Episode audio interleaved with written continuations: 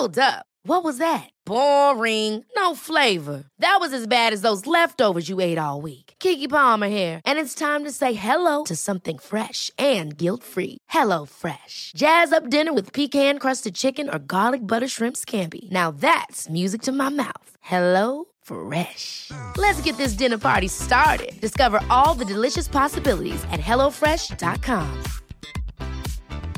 When you're ready to pop the question, the last thing you want to do is second guess the ring.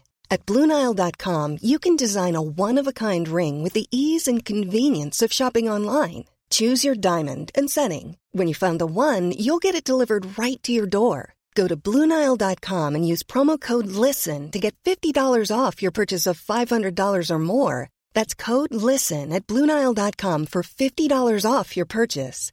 Bluenile.com code LISTEN. Hey, it's Ryan Reynolds, and I'm here with Keith, co star of my upcoming film, If, only in theaters, May 17th. Do you want to tell people the big news? All right, I'll do it. Sign up now and you'll get unlimited for $15 a month in six months of Paramount Plus Essential Plan on us. Mintmobile.com slash switch. Upfront payment of $45 equivalent to $15 per month. Unlimited over 40 gigabytes per month. Face lower speeds. Videos at 480p. Active Mint customers by 531.24 get six months of Paramount Plus Essential Plan. Auto renews after six months. Offer ends May 31st, 2024. Separate Paramount Plus registration required. Terms and conditions apply if rated PG. I can discuss some of the psychological aspects of the case. You've got to get a hold of yourself. Now look here, Johnson, I'm going to get to the bottom of this. I can discuss some of the psychological aspects of the case. And you're really crazy, you know that? Oh, yes, I remember that. Is this any concern of yours? Stop, stop, stop it now, I mean it. Du må ikke tro på hjernen din. Den lyver. Vi er jo mennesker fulle av nevroser. Det som gjør oss til sjarmerende idioter. Discuss some of the I can discuss some of the I can discuss some of the psychological aspects of the case. We don't have very long. Hvordan starte en umulig samtale? Cornelius går på videregående, spiller fotball og fester med venner. Han er snart 18, livet har egentlig gått fint frem til nå, men en dag blir han kvalm, og det går ikke over. Han aner ikke hva det kommer av, men skjønner at han ikke er syk. Etter litt går det opp for ham, han er redd. Men hva skal han gjøre når han er for frisk til å få hjelp og for syk til å finne ut av alt på egen hånd? Jeg har lest boken eh, Litt redd bare av Alexander Kielland Krag, altså tippoldebarnet til Alexander Kielland faktisk, som altså er en av de fire store i norsk eh, litteraturhistorie. Det vet du sikkert hvis du fulgte med i norsktimen. Og jeg møtte Alexander på biblioteket i Kristiansand. Vi skulle snakke om angst med hans nye bok som bakteppe. Alexander viste seg å være en særdeles klok og hyggelig ung mann, og han er eh, åpenbart en dyktig forfatter. Boken han har skrevet, som er hans andre bok, er en personlig og nær historie om å oppleve angst for første gang. Det er en bok om å være redd, om frykten for å miste seg selv, om hvor vanskelig det er å åpne seg om de viktigste tingene. Vi skal inn i et landskap hvor en ubestemmelig frykt slår ned i en ung gutt. Vi møter et menneske som plutselig får livet snudd på hodet i form av en psykisk knyttneve i magen. Det er ingenting som skulle tilsi at Cornelius skulle oppleve angst. Han kommer fra et trygt hjem, har mange venner, er flink på skolen og god i fotball. Hvordan skal vi egentlig forstå dette? Dagens samtale er arrangert av Kristiansand folkebibliotek med Randi Berge Vandrup som primus motor. Jeg vil takke for anledningen til å snakke med Alexander om et eh, viktig tema. Jeg synes det ble en fin samtale rundt et eh, absolutt viktig tema med en svært god bok som utgangspunkt. Velkommen til en ny episode av Sinnssyn. I can discuss some of the psychological aspects of the case. You've got to get a hold of yourself.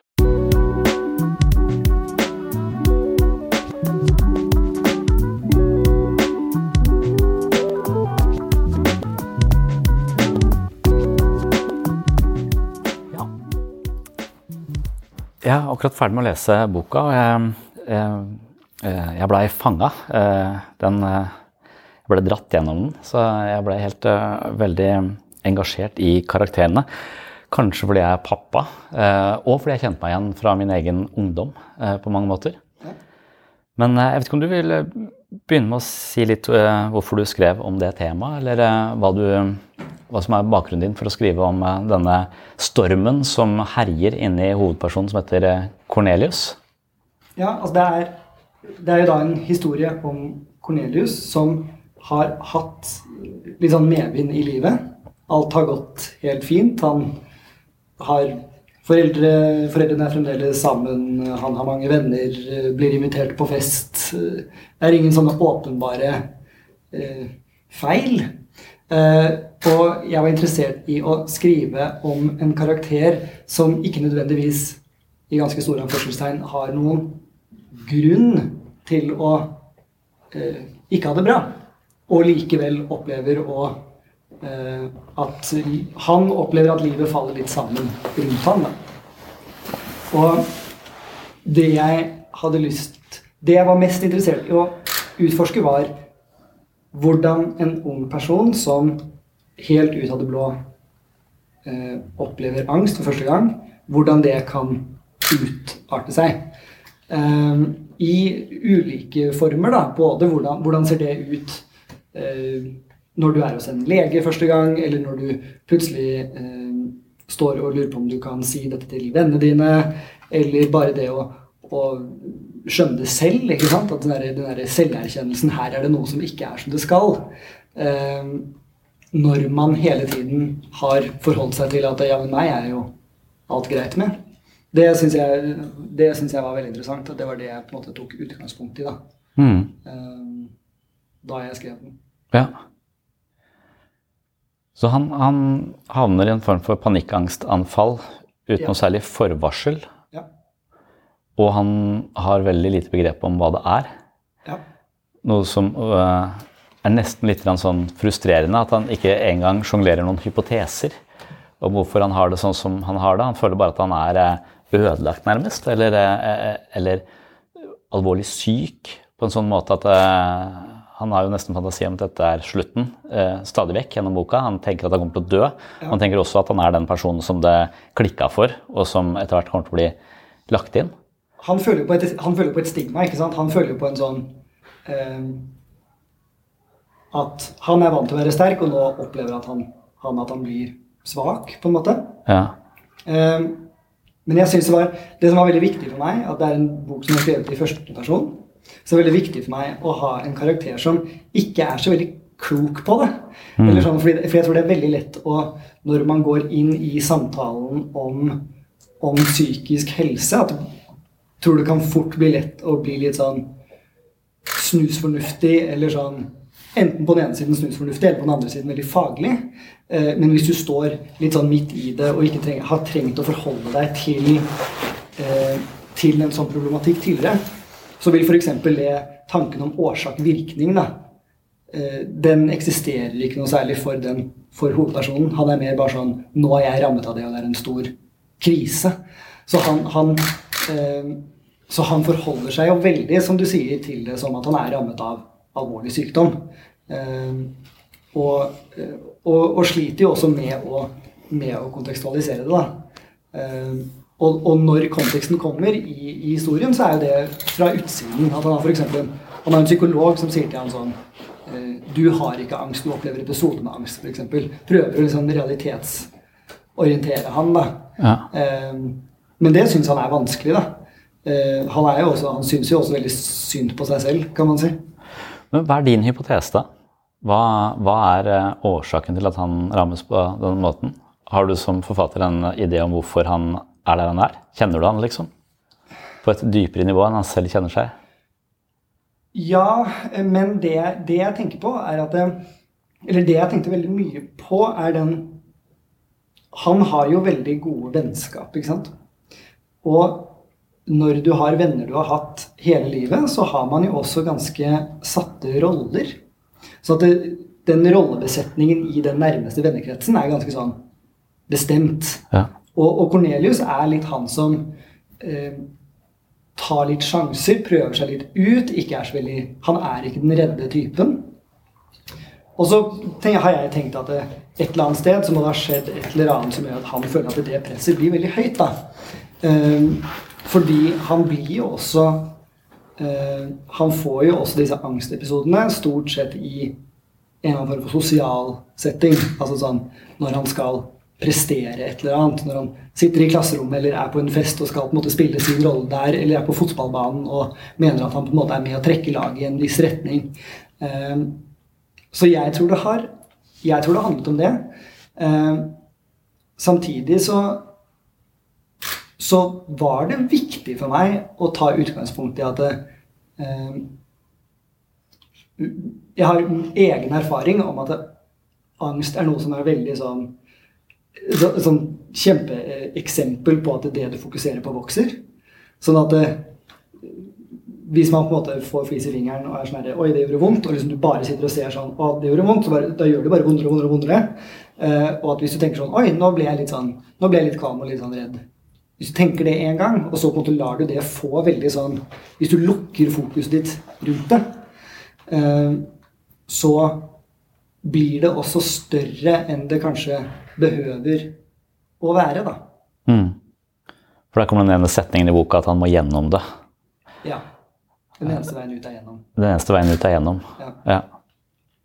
Men det er jo også tatt utgangspunkt i eh, Igjen, det er det da en psykolog som sier til han. Ja. Eh, fordi han, hans reaksjon er jo eh, er jo å trekke seg unna ting som gjør han redd.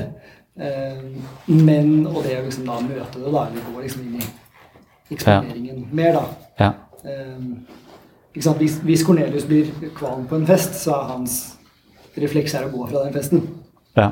Ikke, å, ikke å stå i den og tenke hva, hva er det jeg opplever nå? Hvorfor opplever jeg det? Hva skjer hvis jeg utfordrer det?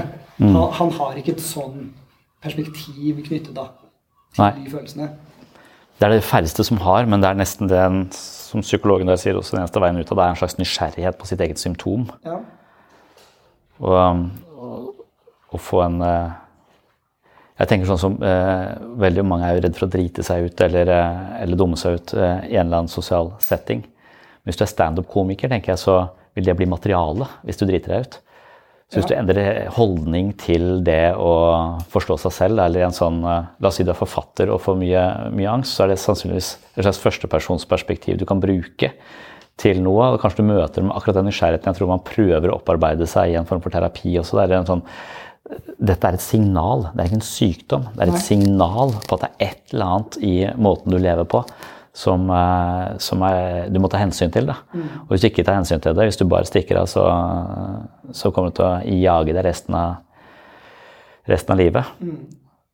Og det, men det er jo det faglige, faglige perspektivet på det, selvfølgelig. Ikke sant? Og så, og så slår det meg altså, det som, Jeg har en sånn eh, Jeg elsker eh, serier om rånere. Jeg likte Rådebank eh, veldig godt. Ja. Eh, og jeg ser på den der Wonderland. Altså, eh, og jeg vet ikke hva, jeg, hva som appellerer så veldig, men jeg tror det er vennskapene. Det er veldig nære vennskap, samtidig som de er De har ingen eh, språk på nærhet, så de, de tilbringer mye tid sammen. De veit innerst inne at de liker hverandre, men de klarer liksom ikke å snakke om De klarer ikke fortrolighet, på en eller annen måte. Og det syns jeg er merkverdig, og det slår meg, det slår meg, det slår meg i denne boka, eh, din bok, altså at, det, at han blir nesten tatt av foreldrene når han onanerer. Og det, det vil han si til kameratene med en gang, for det syns han er gøy. Det hadde ikke jeg syntes vært så gøy, og det hadde jeg ikke sagt til noen. Eh, Og Det samme var det i Rådebank, at han istedenfor å innrømme at han gråter på do, så, så kommer han ut og sier han fikk sæd i øyet. Mm. Og, og det her, og, eh, hva du kan og ikke kan si, er for meg litt sånn bakpå. Hvorfor sier du ikke bare at eh, Eller hvorfor Du har, du har de gode vennene, men du, du klarer bare ikke å bruke den relasjonen på en fortrolig, på en fortrolig måte. Eller hvile i det som en slags støtte. Det er, er frustrerende, nesten. Ja, for sant, i hvor stor grad utnytter du, eller utnytter blir feil, men tar, tar i bruk de, de nære forholdene du har rundt deg. da. Eh, Fordi nettopp, ikke sant, han, han blir nesten fersk av foreldrene sine, og så tekster han liksom, gruppechatten Ja. med, med gutta. Ja. Og så reflekterer han jo for seg selv også. Hvis jeg kan si det til dem, hvorfor Ja. kan jeg ikke si dette? Ja. Ikke? Det store som jeg vil si. Um, men da tror jeg det handler utrolig mye om den derre uh, Kanskje spesielt når man er ung, så er jo rollene man er i da, som den er veldig definert. I, i Litt redd bare så finnes det jo noen karakterer som får med seg hva som skjer med Cornelius. Ja. Men, mens deres rolle er ikke å være den som går inn i det. Så eksempel en av de mest eh, observante vennene, eh, en fyr som heter Oliver, han får med seg det som skjer, eh, men sier ingenting. Og Cornelius ser at Oliver ser, og han er Det Cornelius vil, er litt sånn Ja, men ta meg på det, da. Ja. Kom igjen, konfronter meg på det.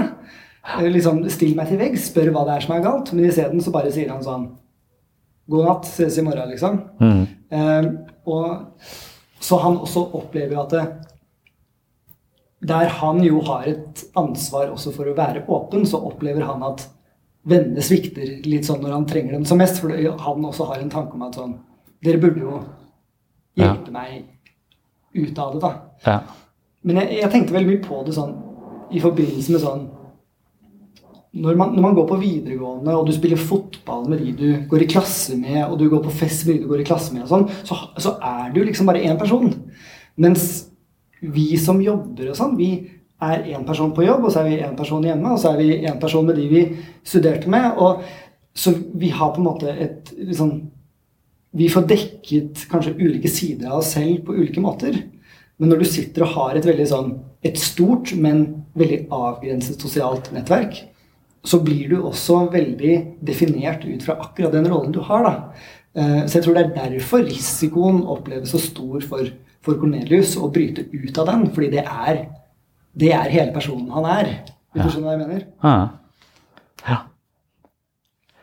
For det er eh, så mye snakk om at eh, unge mennesker har så mye valg, og de må forholde seg til og, og Kirkegård sekundet før du tar et valg er liksom angst er sekundet før du tar et valg. Og hvis du øker antall valg, så får du bare mer og mer, mer angst. Så at eh, man sier at unge mennesker har liksom så, eh, så mye å velge mellom. Men så hørte jeg et motargument som noen som forsker på dette, sier Nei, de har egentlig ikke det. For det er Altså, hvis du, du skal være flink. Og hvis ikke du er flink, så har du ingen valg. på en måte. Så hvis ikke du er flink på skole Flink på skole er altavgjørende for din egen framtid. Så du skal ikke så veldig langt tilbake før du kunne på en måte være raddis, eller du kunne til og med være i opposisjon mot skole og likevel ha en fremtid. Mens nå har du nesten ikke noe fremtid hvis ikke du er flink og presterer på de ulike, ulike arenaene. Så, eh, så, så vil du ja, så vil det se mørkt ut for deg. Eh, og så det det er et eller annet litt sånn, eh, Selv om man tenker at man har så mye frihet til å velge og så mange muligheter. og Det er en av de, det er også årsaken jeg også tenkte på når jeg leste boka. For du har én side hvor det står årsak. eh, Du, du, du peker på den årsaken. Du sier folk før hadde det sånn og sånn og sånn, men vi eh, de tror at vi er så privilegerte, vi er dessertgenerasjonen, vi har alle disse tingene. Men, Og så kommer du også med noen av disse, disse argumentene hvor, hvor, du, hvor du også er ganske fanga i i rollen din, og det er ekstremt høye krav. Og du blir målt og veid hele tiden. Og det, det, det føler jeg er også noe som voksne mennesker altså i min egen, Det er min største opposisjon mot mitt eget system. At jeg, jeg jobber i sykehuset, så jeg har lyst til, å, øh, lyst til å sprenge systemet fordi det er så fullt av New Public Management og måling og styringskrav som skal veie og måle meg på alt jeg gjør. Så, så den friheten til å være et medmenneske i møte med folk som sliter, den er nesten sånn jeg er styrt som en robot av ulike prosedyrer som jeg bare skal, eh, skal følge. Og det å bli målt på stadig flere arenaer og være under andres bedømmende blikk da. Så, eh, og, og da tenker jeg at jeg var sikker på at det var jeg som kom til å fucke opp barna mine, sånn at de får det, eh, eh, får det vanskelig. Og da har jeg i hvert fall kontroll på hvordan de fuckes opp, tenker jeg. Men nå har jeg ikke det heller. For det, det, var, det er så skrekkinnjagende å lese din bok, for det, det var ingen åpenbare årsaker til at han skulle få det så, så vanskelig. Men den der følelsen av å måtte prestere og være i denne rollen hele tiden, den, eh, den, den mister jeg litt pusten av selv. Og jeg kommer jo akkurat nå fra fotballkamp med jenter 12, jeg er fotballtrener. Det vibrerer litt nå, for nå er det inn på sonelaget vi skal måles og veies. Før så var vi bare, det var gøy med fotball, men nå kommer den differensieringa og veiinga. De skal måles der, de skal måles på, eh, de skal på ungdomsskolen, de får karakterer. Og de nasjonale prøver. Det er så mye av det. Og det, det tror jeg eh, vi kjenner på eh, som en byrde som er ganske tung å bære. Hvis ikke du presterer, så har du ikke noen fremtid, nesten. Altså, det er litt sånn de kan eh, fornemme et eller annet sted. Ja, og sånn som Det kommer ikke så klart frem i, i romanen, men men jeg hadde en helt klar tanke da jeg bygget den verden. at sånn, sånn som det, det å være flink på skolen er etter hvordan jeg forstår det nå, på ingen måte tabu lenger. Altså, du er ikke nerd fordi du er flink på skolen. Du er litt sånn herre Du er bare ikke Du tenker på fremtiden, ikke sant? Nettopp. Eh, og, eh, og det er flere referanser i boka til at Cornelius jobber med skole, og at vennene gjør det, og de møtes for å gjøre det. og sånn. Det er liksom en sosial, sosial sfære ved det også. Og så, og så sier han et sted at det, når han er veldig fortvilet over dette, den at han føler jo Han føler jo litt sånn at det, eh, noen har stått over han, og så har de liksom bare gjort sånn Hvem, skal få angst? Nei, du. Og så bare var det sånn du ble. Um, og så og så et eller annet sted så sier han noe sånn at eh, jeg er så heldig. Velg noen med mindre å tape enn meg. Ja. At han føler på en han er liksom så nære ved å oppfylle alle mulige sånne krav, press, tanker om hvordan ting skal bli. At sånn, ja, men ta noen som er lenger unna det enn meg, da. ikke sant? Ja, ja. Og så er det kanskje akkurat derfor det skjer. Ja, nettopp. Ja. ja. Det, det er litt sånn jeg, jeg kjenner frykt om at hvis, hvis, det er noe rettferdighet i verden, så går det snart til helvete. Eh, altså For de som er såpass privilegerte som oss. Eh, men eh, ja. Ja, det, er, det var det, det, Du kjenner virkelig hans, eh, hans uh, ubehag og, og, denne, at det kommer så, uh, så brått på han. Men, men, en annen sånn idé i samfunnet vårt er kanskje at, at unge mennesker er for introspektive. Han virker ikke spesielt introspektiv på den måten. så så Jeg har ofte diskutert dette med en som heter Ole Jakob Madsen. Som, som, har vært, Det var han som skrev den artikkelen 'Sæd i øyet' i, i Morgenbladet, som han mener at at, vi, at, denne åpenheten om psykisk helse, dette med livsmestring i skolen osv., at vi har så mye fokus på det, det, det former også at, at, generasjonen speiler seg også i de merkelappene som vi setter på dem, og at vi har skapt en slags introspektiv generasjon som kjenner etter på alt mulig rart, og angster og, øh, og gjør sånne ting. Og jo mer vi da kaller de for generasjon, prestasjon osv., jo mer blir de det også, fordi de, de, de tar til seg denne øh, projeksjonen, og, så, og så, de, så, blir de det. Mm. Uh, men det slo meg som at han er ikke spesielt uh, introspektiv. Så jeg tenkte han manglet litt verktøy som han kanskje kunne hatt for å så, så han, Ole Jakob Madsen er litt sånn Skal vi være så åpne om psykisk helse? Har vi ikke vært åpne nok nå om psykisk helse? Um, jeg vet ikke hva du tenker om det? Jeg, jeg, tenker at det er viktig å ha åpenhet om det, kanskje spesielt for når det, når det, rammer eh, Når det rammer der hvor man nettopp ikke klarer å være Én eh, ting er kanskje å føle innover, men det å da kommunisere det utover. Eh, fordi Cornelius i min bok Du har helt rett i at han er ikke så veldig sånn fili-fili, egentlig, type. Og han har ikke helt begrepsapparatet for å, for å uttrykke det. Det går en sånn metafor gjennom boka hvor han sammenligner det han føler, med vær. Ja. Eh, så han har eh, storm i brystet og sånne type bilder. da, Som jo eh, er litt sånn enkle, og så er de litt upresise. Og det er meningen, fordi han, han klarer ikke helt å, å, uttrykke seg tydelig hva han, hva han føler. Eh, I min forrige roman så hadde jeg en karakter som var veldig veldig sånn tuna inn på på egne følelser. Nå føler jeg det. Nå, nå, nå handler jeg sånn fordi sånn og sånn. Eh, nå ser han der på meg gjennom rommet, og derfor, jeg, derfor går jeg bort dit. Altså sånn veldig tydelig eh, beveggrunner for alt mulig. Eh, mens her var det et viktig poeng nettopp å, å lage en karakter som ikke har det begrepsapparatet. Ikke eh, Han er litt sånn blindsided av det som skjer med han. Og da tror jeg det er viktig å kunne snakke om det. Men så er det jo sånn Han snakker jo om det etter hvert sånn. Han, han snakker jo om det til en psykolog, til en lege. Eh, men for han handler det jo veldig mye om, om sosialt stigma. At han er redd for å bli stempla på en eller annen måte som liksom han gærne. da. Eller nettopp sånn, han som klikka, eller sånn. Eh, så, så jeg tror kanskje det, jeg tror i så fall det handler mer om å åpne opp for eh, å bryte stigma ned. Fordi at det, selve samtalen tror jeg nok kanskje finnes der altså om, om psykisk helse. da. Eh, det er ikke som at det, ungdom på videregående i dag ikke er ganske godt tuna inn på hva det handler om. Eh, men at det allikevel finnes et stigma knyttet til det, det tror jeg absolutt. Og det tror jeg at man må fortsette å jobbe med. Ja. For stigma dukker vel kanskje opp. Folk spør meg skal jeg fortelle folk åssen jeg har det. Skal jeg, og det tenker jeg det kommer an på ordforrådet ditt. Altså, hvis du bare kan si angst, så syns jeg ikke du bør. For da bare skaper du masse fantasier i hodet på noen andre. Hvis du har en slags forståelse for at du lever i en verden som krever noe av deg hele forbanna tiden, og du er på en måte i dette dragsuget av, av krav og prestasjoner, eh, og til slutt nesten ikke får puste. Hvis, er, hvis, du kan si noe om det, så tror jeg du vil åpne en dør og si ja, det kjenner jeg, fan, sånn er det. Jeg kjenner bare så vondt i magen. At du kan løfte det fra disse, denne stormen i brystet til en eller annen form for innsikt. Da. Så man får lyst til å gi han en, eh, eh, ja, en, en en beskjed om at du er ikke, du er ikke alvorlig syk. Du har et jævlig ubehagelig symptom, men det kan du forstå og bli et dypere menneske. Altså det, det, kan også være en slags mulighet for deg, fordi at nå har du levd såpass uh, i medvind såpass uh, lenge, og sannsynligvis hatt en del krav og press på deg som du ikke har tatt hensyn til, som du bare har regna med at det skal alle takle, og du har, ikke, du har liksom ikke vedlikeholdt uh, på, på, innsiden. Og da går du på denne typen. Da kommer denne til slutt, så kommer du få knyttneve i, i magen på sett og vis, fordi du har unngått dette over så, over så lang tid. Mm.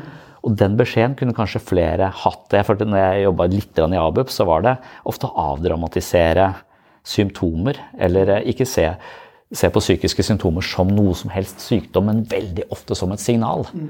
Eh, og som regel så er det du, vet, du, tror du vet én grunn til at du har angst, eller kanskje to eller tre, og så finnes det 250. Eh, og jo flere du klarer å nøste i, jo større sjanse har du til å eventuelt justere kurs litt grann på et eller annet sted. Da. Og dermed så tenker jeg at da må jo psykisk helse opp, da må vi ha dette språket eh, på det. Mens, eh, mens som du sier, stigma eh, fremdeles er ganske ja, ganske presserende for mange.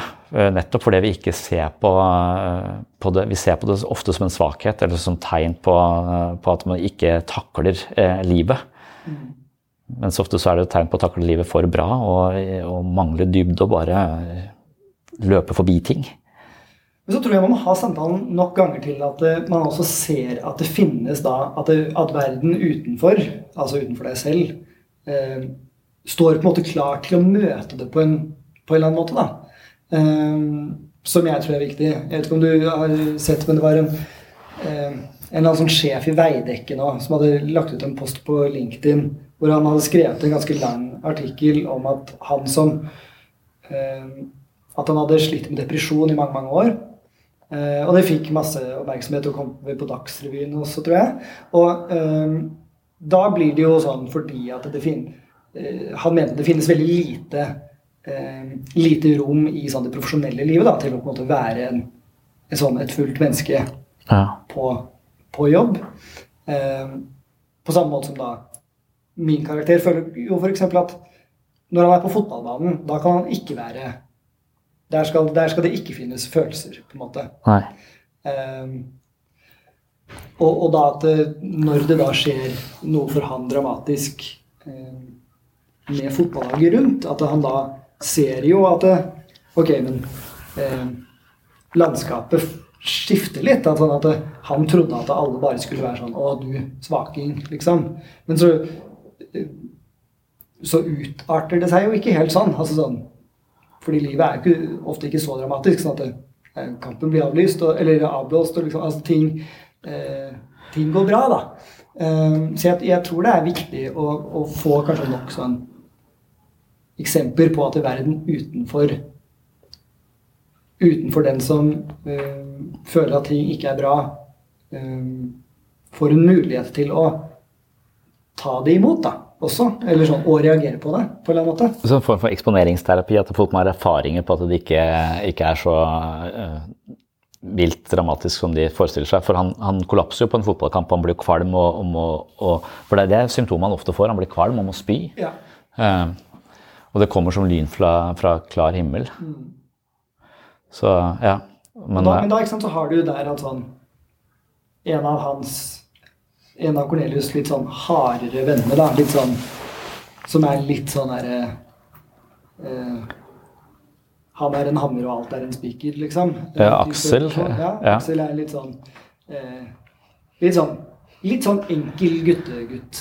Eh, men i møte med eh, Cornelius da som en mye svakere person, så er han jo på den ene siden virker han litt sånn skuffa. Men når det andre laget plutselig konfronterer Cornelius Mm. med litt sånn du kaller han freak eller et eller annet sånt, Ja. så tar jo Aksel og stempler han ene i håret Ja. med liksom piggskoene. Sånn at det, at det da finnes det derre hadde, hadde Cornelius hatt mer klarsyn i en sånn situasjon, så hadde han jo sett her er det jo folk rundt meg som passer på. Mm. Um, men um, Men jeg syns også det var veldig interessant da, å undersøke nettopp den derre Hvor tunnelsyn klarer du å få, da? Altså, Mm. når, du bare, når du bare tenker på din egen angst, hvordan, hvor mye rundt deg du ignorerer. Mm. Eh, For det skjer jo mye rundt Cornelius som han egentlig ikke forholder seg særlig til. Nettopp fordi at det, man kan jo også bli litt sånn bli litt sånn egoistisk av det. ikke sant? Altså, der, eh, fordi at sånn det ikke hadde bra, eller på samme måte som at sånn smerter tar jo mye plass. eller sånn. Mm. Eh, og da må nødvendigvis andre ting filtreres ut. da. Ja. Så, så for meg så, så mange mennesker som sliter psykisk, for meg så virker de som vandrende psykologiske ekkokamre. Det er litt den samme mekanismen jeg opplever, eller som jeg ville se for meg. så at jeg kan være overbevist politisk, og så kan du si et eller annet til meg som tenker å ja, ja, det har jeg ikke tenkt på. Så, så du, du kan ved å ha et annet politisk synspunkt enn meg, eh, lett komme til å i hvert fall modifisere mine synspunkter hvis jeg sier mine synspunkter til deg. Og det er ikke så uvanlig å snakke om eh, politikk, i hvert fall ikke nå rett før valget. Så da, da vil du ofte få, få nyanserte og sparra med noen og eventuelt korrigerte hvis du er helt eh, trangsynt. Eh, og, og det er vel det som foregår. Du blir helt fanga f.eks. På, på nett. At du kommer kun i et fora hvor alle mener det samme, og det de mener er eh, helt totalt virkelighetsfjern, sånn at du blir fanga i en sånn. Men jeg tror altså, når det gjelder angst og uro og det å ikke finne noe uttrykk for det, eller ha noe uttrykk for det, så blir du et ekkokammer. Du går og sparer med deg selv hele tiden uten å få korrigert det. Og det er det som er så frustrerende. Eh, og, og um, er da jeg ble så lei meg eh, inni meg når Cornelius går med det så lenge uten å klare å kaste ut den der ideen. For hvis han hadde gjort det, hvis han hadde funnet et par setninger som faktisk hadde åpna en dør til han, så tror jeg de andre hadde kjent seg litt igjen og kunne møtt han på det. Og ikke sagt 'du er jo helt fjern, nå må du skjerpe deg'. Jeg tror ikke du nødvendigvis hadde gjort det. Og det er akkurat det samme som skjer i, i den der Rådebank, eh, hvor eh, han, hovedpersonen GT altså Han er verdens beste sjef. Han har gode folk rundt seg. Men altså, jeg har bare så jævlig vondt i hodet og jeg har så vondt i skuldra, så kom jeg ikke på jobb. Han bare finner på sånne ting hele tiden. Og så én ting, jeg har det dritkjipt, for jeg har blitt dumpa, jeg er redd for å være aleine. Altså, øh, hvis han hadde sagt det til denne sjefen, så hadde han fått, hadde han fått alt han trengte. Men han gjør det bare ikke. Da blir han i dette ekkokammeret som til slutt eksploderer i angstanfall, eller hva det, hva det skal være. Så det er, øh, det er, det er øh, ja, det er, det, er så, det er det som gjorde at jeg ble litt sånn At jeg, jeg leste fort øh, og bladde Jeg måtte bla veldig mye, for det står ikke så mye på hver side. så jeg, jeg, print, jeg, hadde ut, jeg, hadde På telefon og så hadde jeg en utprintversjon.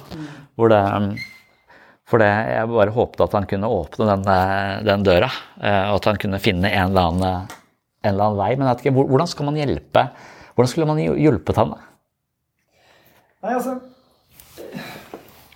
Jeg vet ikke, men, men han lengter jo da litt etter Han lengter jo litt etter å, å bli sett for oss og det svake, kan du si. Um, så han har jo Det er et eller annet sted han, han reflekterer rundt det om eh, Hadde de bare ikke gjort det så lett for meg hadde, Hvis jeg ikke bare hvis de, hvis de holdt meg litt mer til ansvar for hvordan jeg nå er mot dem og i vennegjengen og sånn. Mm. Hvis de hadde holdt meg mer til ansvar, da hadde kanskje jeg også tatt mer ansvar. Ja. På min side også. Men så er han jo også sånn Hadde, hadde jeg egentlig det klar, Hadde jeg egentlig klart å bære det hvis noen hadde sagt bare sånn rett ut Du, det virker som du ikke har det bra. Stemmer det? Mm. Så, ville så er jo spørsmålet om han hadde klart Han har sikkert sagt 'fuck you'. Eh, Men han, han er jo han, han går jo gjennom en slags sånn modningsprosess eh, gjennom boken, så jeg tror jo at jeg tror jo at han eh, kommer dit, men men det handler jo om å snakke om det, tror jeg. Altså, det er det som er tesen min i, i boken også. Eh, på et eller annet tidspunkt når han har fått seg selv til å si til en annen at han eh, at ting ikke går bra, eller blir brutt litt sånn sammen, da. Så sier han etterpå til psykologen sin, når han da oppsummerer det for psykologen, så sier han at eh, han opplever at det motet han fremviste i å være åpen, samsvarer ikke med hvordan det høres ut når du oppsummerer den situasjonen til psykologen etterpå. Da sier han at det, eh, det høres enkelt ut nå når jeg sier det, men det var ikke enkelt da. Um, og, og det, tror man, det, tror jeg nok man skal ha, ha stor respekt for. Men, altså, men, min tese går jo på, går jo på uh, åpenhet, og det er jo da et sånn en ikke-faglig, uh, mer sånn bare en praktisk uh, at, at, jeg tror på kommunikasjon. altså sånn så jeg tror det er det det handler om. Men, men, jeg tror samtidig at man vil gå Hvis man, hvis man går inn for å, å skjule noe for eh, enten både seg selv eller andre, så tror jeg ikke nødvendigvis at en konfrontasjon At den konfrontasjonen han på en måte håper litt på eh, At noen bare skal liksom røske tak i han og si sånn Nå, nå mm. skjerper du deg, er, det, hva er det for noe? liksom. Jeg tror ikke nødvendigvis det er jeg tror ikke nødvendigvis det er svaret. Nei, for, for, jeg tror at folk også misforstår hva det vil si å være åpen innimellom. At de ikke he egentlig helt eh, vet hva det er å være åpen. For jeg opplever at mange tenker at det er å fortelle hemmeligheter fra livet sitt. Mm. Uh, og det, man trenger egentlig ikke fortelle en eneste hemmelighet for å likevel være et slags åpent menneske. Da. Så, så det, det også er litt sånn, uh, og det har jeg strevd med selv å prøve å forklare eller prøve å sette ord på eller fornemme, både i mitt eget liv og i møte, møte med andre.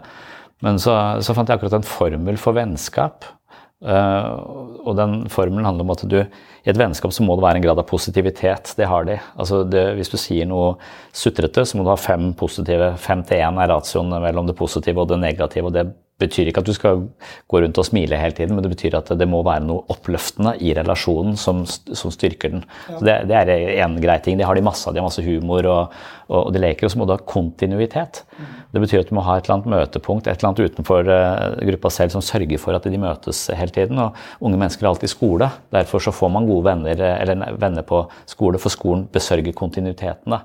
Så jeg tenkte i mitt eget liv så tenker jeg at jeg har eh, jeg mangler kontinuitet. da, For at jeg er barn og altså, så, så der, det har jeg ikke lenger. Det er derfor jeg ikke har så mange vennskap som jeg kanskje hadde før, og ikke har klart å prioritere det godt nok. da. Men så er det den siste, siste eh, faktoren. Det er uh, sårbarhet. Uh, og åpenhet og sårbarhet det, det, tror jeg er relaterte begreper, men sårbarhet er det som, som er det helt avgjørende. Du kan ha så mye kontinuitet og så mye positivitet du bare vil, men hvis ikke du har sårbarhet, så er det likevel nesten som å være ensom blant mennesker. Da. Du har alt det andre, men, men du klarer liksom ikke å Uh, og connecte uh, på en ærlig og oppriktig måte med den andre. Og da er det litt som om vi bare ser på uh, at vi går At det er en glassvegg mellom oss. da. Mm. Vi kan se hverandre, og vi er nær hverandre, og vi liker hverandre, og vi er kanskje glad i hverandre, men vi er likevel ikke connecta på, på det. Og akkurat den sårbarheten, hva, er, hva, vil det si å være sårbar? For mange tror at det bare ta sats, nå skal jeg fortelle. Ok, så eh, jeg, drakk jeg for mye da, og så gjorde jeg det. Altså, du, altså, det er sånn confession, nærmest. Men jeg tror ikke det handler om det. Det handler om eh, for meg så handler det om når, eh, når jeg krangler med, med, kona mi, og så blir jeg eh, sånn, så tåler jeg at det, vi ikke snakker lenger enn hun tåler. Så hun må alltid reparere konflikten, for jeg kan bare vente på at hun kommer og prøver å reparere det.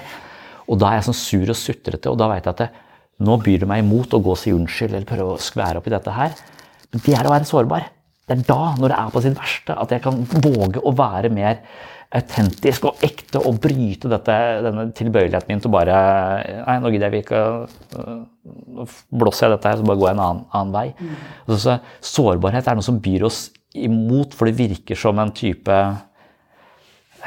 det virker som å legge et eller annet ut, og risikoen for avvisning er så ekstremt stor. da. Mm. Hvis hun da ikke tar det imot, liksom, eh, da, da, henger jeg bare der, og den jeg er mer redd for enn å dø, så da kan du eh, Så, så, så den, den, Å tørre sårbarhet tror jeg er, er liksom det som eh, vi er nødt til å klare å formidle hvis man skal være åpen om psykisk helse. må man tørre å, å ha fortrolige relasjoner hvor sårbarhet er en er en mulighet. da.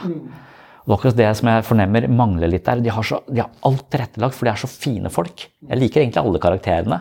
Jeg liker veldig godt Cornelis Cornelius også, og kanskje Oliver og hun Lea. Jeg liker, de, de, men Lea er kanskje best, da. Eller hun presser i hvert fall litt mer på. Og hun er jo sårbar. Altså, Ja. Lea er jo den karakteren som er sårbar, som både skiller seg ut fra de andre.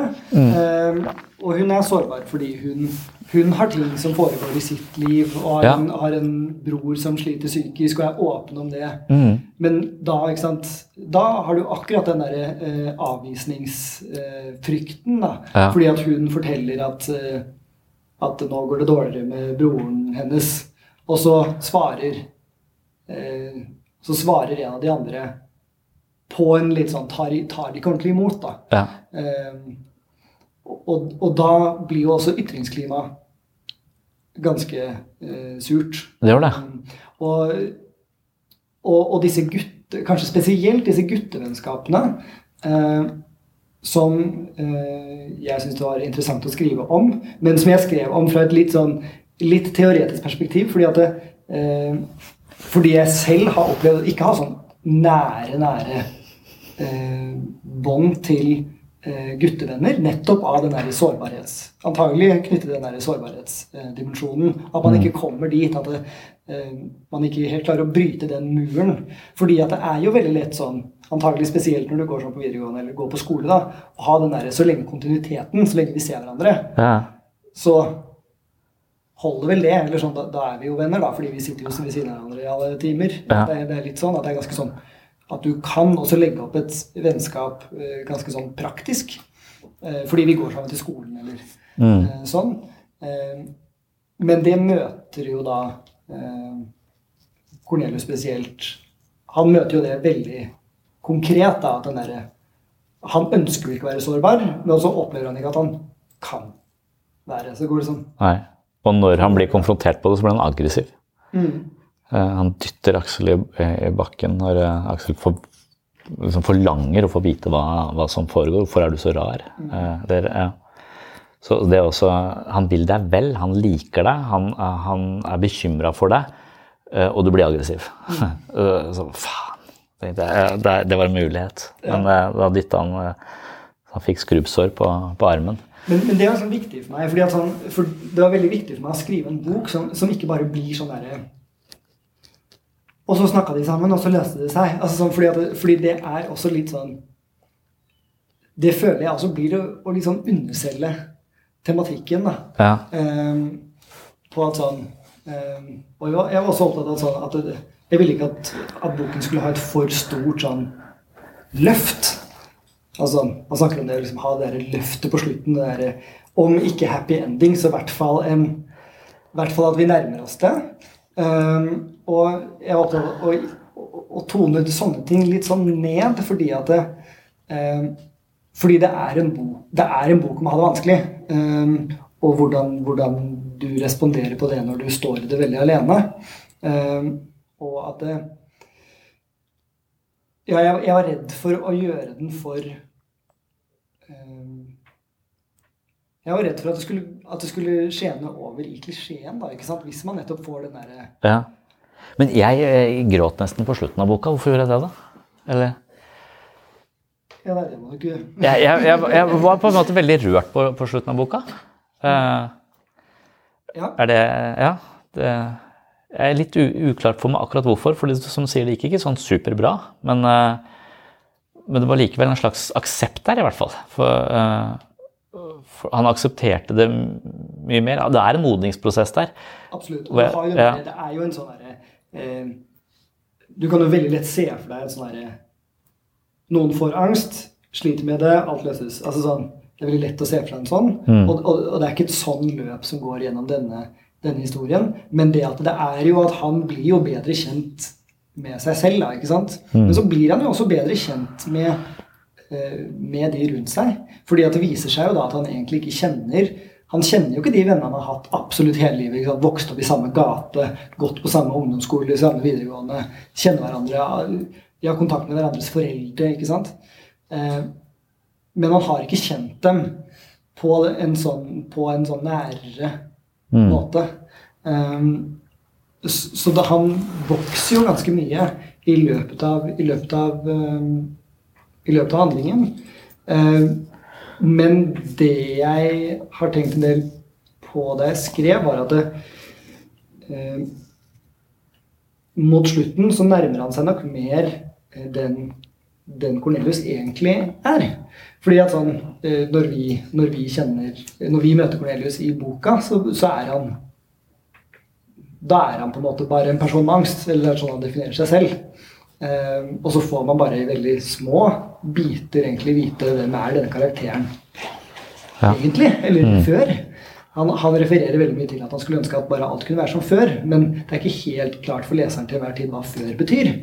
Um, men det kan nok hende at det da mot slutten at det, um, at det er en følelse av at det, ok, dette, dette føles mer som et helt menneske som agerer ute i verden, enn bare en veldig redd person som løper rundt og er redd for at ingen skal Det- De hadde noen få setninger som gikk på eh, Er det huet ditt nå? Nei, det er ikke det nå. Altså, de bare refererte til hodet hans på et- én setning. Og da var det en slags som om det var åpnet. Mm. Bitte lite grann. Ja. Så han var ikke helt aleine eh, lenger. Eh, selv om han hele tiden har hatt veldig gode relasjoner, så har han likevel da nå åpnet for en Ja, det er mulig å være ensom blant, blant mennesker. Mm. Så, og, og kanskje spesielt eh, ja, at det gjelder guttevennskaper. Det gjelder kanskje jentevennskaper Det, òg. det kan godt hende. Det, har jeg, det kan jeg ikke helt sånn uttale meg om. Men, eh, men jeg tror den derre jeg, tror- jeg tror ikke man skal undervurdere den derre Hvis man er han derre sterke eh, At man kan føle at man har potensielt ganske mye å tape på ikke å være den. At man kanskje tror at sånn eh, Jeg tror Cornelius går litt sånn inn i det med å tenke at sånn at, at mennesker er todimensjonale. Ja. At sånn, Enten er jeg sterk, eller så er jeg svak. Altså sånn, at Det er alternativene. Du kan på en måte ikke være sterk og svak. At, at du er tredimensjonal. Um, og, og det finner han vel ut da, etter hvert. Men, men jeg tror uh, han tenker da på vennskap som at det er Vennene hans er flate. De er, han vet hvor han har dem liksom, til enhver tid, og de vet hvor de har han. Ja. Og hvis han gjør noe annet, så på en måte er det som å eh, endre helt form, da. Ja. Man merker det når man er tilbake i relasjoner som man har hatt for lenge siden, at man plutselig sklir tilbake i en eller annen form for samværsform som man ikke helt kjenner seg igjen i fordi man har flytta og har mange andre arenaer som man er en annen, en annen person på, så, så finner man tilbake den samme samværsformen som man hadde med de man vokste opp med, f.eks. Jeg kjenner det kjempegodt igjen. Den der Mm. møte gjengen fra, fra videregående. Ja. Og så har alle bodd i ulike byer, og så møtes vi igjen. Og så For det første sitter man jo og snakker om akkurat de samme tingene. ja, ja. Um, Så man kan ikke noe Nei, så, så man har jo ikke, du har jo ikke blitt fem år etter. Du er liksom bare, du Ja. er liksom bare sånn Gå tilbake fem år. Og så, og så er jeg den samme personen. Og nesten Og jeg kjenner veldig godt igjen den derre Nesten sånn si ting man nesten ikke mener lenger. ikke sant? Altså, Ja. jeg, jeg var jo sånn da, men jeg vet jo bedre nå. liksom, altså Kom Ja. igjen. Men så allikevel så er det, det er et eller annet der i den gruppedynamikken som gjør at man likevel Ja. går dit. da. Mm. Og jeg tror nok angst, altså, sånn som han rammes av det, er helt åpenbart noe som, mm, som bare forsterkes i din kamp for å bli kvitt det. Så du prøver å kontrollere det, du prøver å late som om det ikke er der. Og hele, jo mer du later som om det ikke er der, jo mer du prøver å være noe du ikke er, jo, jo mer manifest blir den, eh, og jo hyppigere blir de eh, panikkanfallene. Da. Så det er det den psykologen mener med at du må, du må gjennom det for å ja, det, er ikke, det er ikke noe du kan prøve å unngå lenger. Det er ikke noe du kan prøve å, å vri deg unna eller finte. For på et eller annet tidspunkt så kommer det til å Eller da vil det hele tiden bare slå deg i magen gang på gang på gang. Det er det som er å være sårbar. Da, altså være autentisk og, og ekte. Og jeg, jeg opplever kanskje at det, det tror jeg også er kulturer i helt, Derfor tror jeg det er vanskelig å si at det, eh, unge mennesker er veldig introspektive. De snakker masse om følelser. Og, og for én frykt i sykehussystemet er at vi får eh, folk med kjærlighetssorg skal på psykiatrisk poliklinikk for å bearbeide kjærlighetssorg. noe som er en del av livet. At livet plutselig har blitt et symptom på psykisk lidelse. Da. At vi kjemper litt imot at det blir så det er en sånn voldsom vekst. altså Er det fordi vi har lett uh, cutoff for hva som er liv og hva som er uh, patologi, da, på et, uh, på et feil uh, på, et feil nivå. Så, så, så det, men, men Cornelius er virkelig en som ikke bader i å være syk eller skulle være, ha angst eller er sånn angster eller har de, har de, har de begrepene. Men, men der, hvis, skal, hvis, psykisk helse skal komme på plakaten, så må man finne et eller annet språk på det å være eh, oppriktig og det å tørre å være sårbar i en, eh, i en relasjon. Det er, det er så vanskelig å pinpointe hva det dreier seg om. Om det er å, å fortelle hva som skjer, eller om det er, er å connecte med et, med et annet menneske. Og det er litt merkelig at vi ikke er bedre på det, siden det er livsviktig for oss. Jeg synes det er litt og, og, og jeg, det, jeg, tror det er litt sånn ulike kulturer på det. Kanskje i en familie har en kultur på det, en skole har en kultur på det, en klasse har en kultur på det, et, et distrikt har en kultur på det. Så jeg syns ganske ofte at, at, jeg som er fra Østlandet, kanskje er mer um, uh, På en eller annen måte Jeg opplever meg selv som litt mer um, personlig kanskje, og oppriktig i møte med noen folk som er litt perifere, går kanskje litt fort dit å være uh, personlig. Og så merker jeg at, da, at det ikke, jeg får ikke respons på det. Det blir, som, det blir, ikke besvart, på en måte. Og det er litt som å kle av seg foran noen, og så kler ikke de av seg. på en måte. Det, uh, og den, den, følelsen der å være sånn, den, den, er såpass ja, den er jo så skrekkinnjagende, da. Så det er, der frykten, det er derfor man hele tiden holder igjen. Og, og det er men, men, så tenker jeg litt, altså, hvis du da er den personen som får angst og er nødt til å finne et eller annet språk på dette, så tror jeg muligheten for å være en slags en som i det miljøet du hører til, også kan åpne denne døra litt. Og Kanskje det var det som gjorde meg rørt på slutten, at han kanskje kunne potensielt sett være den som åpnet en mulighet for også de andre. For Det er det som skjer i Rådebank også. Jeg vet ikke om du har sett den serien, men, men, men da er det med selvmord som var veldig oppe den siste. at det, Du ser at de sitter der og drikker, og så Ja, åssen har du det, da? Det er en av de aldri har spurt om det. Og så, og så begynner han å trekke på det, og så ser du ok, nå har det blitt et Det er, det er, et, eh, det er, et, det er en mulighet for dere. Og det, det, vennskapet som jeg på en måte har beundra, for de har så mye samhold og de er så mye sammen, men de mangler fortroligheten. Plutselig så åpner de for fortroligheten og blir et komplett vennskap. Da har du alle tre faktorene. For uten sårbarhet så har du bare mennesker som du må prøve å spille et eller annet skuespill for, i verste fall. Eh, eller spille den samme rollen. Og ikke ha muligheten til å være, ha flere, ha flere dimensjoner. Altså, jeg så, jeg så, ikke på Rollbank fordi det, nettopp fordi jeg skrev denne boken og ville ikke passe på ikke, liksom, mm. at det ikke ble for eh, At jeg ikke ble eh, påvirket. Men, men, men det, det, jeg også tenker er utfordrende med ja, selvfølgelig det å finne, finne, et språk, og det å finne fellesspråk, men at det er jo også veldig vanskelig med, med, disse tingene som ikke måles. Eller sånn eh, Et brukket bein er et brukket bein. Altså sånn. Mm. Eh, men jeg har tenkt på det sånn Jeg har sett eh, dette 113, dette ambulanseprogrammet. Og der spør de veldig ofte så spør de sånn Ja, hvor vondt gjør det? Og så er det sånn skala 1 til 10, og så er 10 ja. sånn. Det, så vondt skal du vel nesten ikke kunne si at du har. I min verden er det sånn det er sånn torturert av IS-vondt, liksom. Ja. Um, og, så, og, så, og, så, sitter det liksom bare én i den der senga, og uh, på vei til sykehuset bare sånn ja, 'Hvor vondt har du?' 8,5. Nei, det har du jo ikke, tenker jeg. Altså, du har jo 8,5. Men, liksom, men, men, men, det tenker jo kanskje hun, ikke sant? Um, og det er sånn jo, men ikke sant, sånn der, hvordan, Og da når du sier sånn 'Jeg sliter, jeg har det vanskelig, jeg er redd', liksom sånn Det er også vanskelig å uh, å ha den samme på en måte, marginen. eller sånn for når, når, kicker alle systemer inn, og når sier vi at ok, nå bare slutter vi ringe om deg, og nå er det synd på deg, og når er det, når er det synd på deg, når er det skjerp deg? på en måte. Mm. Uh, at det, det, er vanskelig fordi det er usynlig, og nettopp fordi det er, er vanskelig å finne fellesspråk. Uh, og jeg synes det er interessant da, opp mot f.eks. 113, hvor alle har jo opplevd det å ha vondt. Så at det, vi, når vi spør sånn, hvor vondt har du, så vet alle hva å ha det vondt er. Ja. Eh, og likevel så svarer vi nok, eller uttrykker vi nok ulikt da, ja. på det. Mm. Barn har veldig vondt. og da, altså da er det det spørsmålet hva, hva skal du overse og si det der går fint. Og når skal du faktisk gi, gi masse oppmerksomhet eh, på det? For det, det, kan jo lett balle på seg at det er liksom fysisk smerte som eh, er valuta. Men det å si at man har det kjipt på en eller annen måte, eller er utrygg, eller For det rammer deg jo når du ikke har noe språk på det, så rammer det ofte i magen. da. Som, altså alle de følelsene og, og psykologiske disposisjonene som, som, som, formidler et eller annet til nervesystemet ditt. Det gjør du av en grunn. Og hvis du ikke veit den grunnen, så vil du bare føle at det er, er smerte.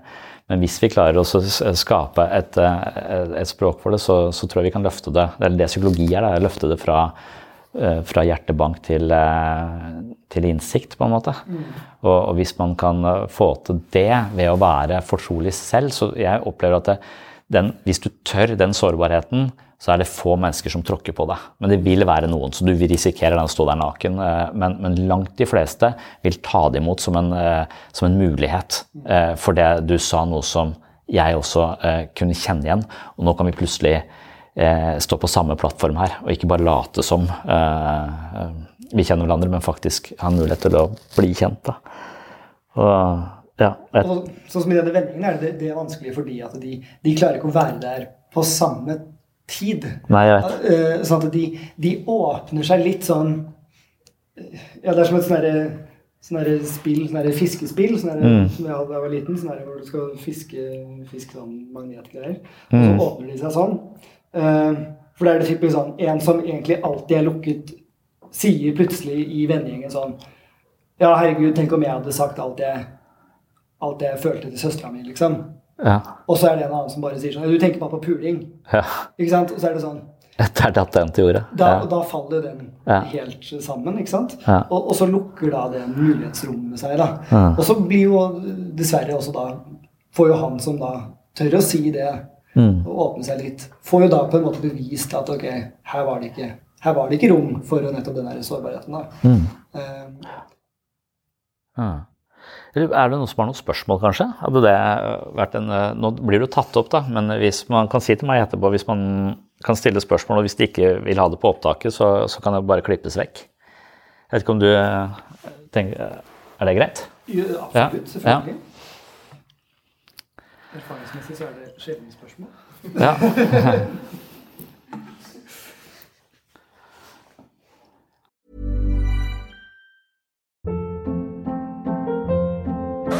Hold up. What was that? Boring. No flavor. That was as bad as those leftovers you ate all week. Kiki Palmer here, and it's time to say hello to something fresh and guilt-free. Hello Fresh. Jazz up dinner with pecan-crusted chicken or garlic butter shrimp scampi. Now that's music to my mouth. Hello Fresh. Let's get this dinner party started. Discover all the delicious possibilities at hellofresh.com.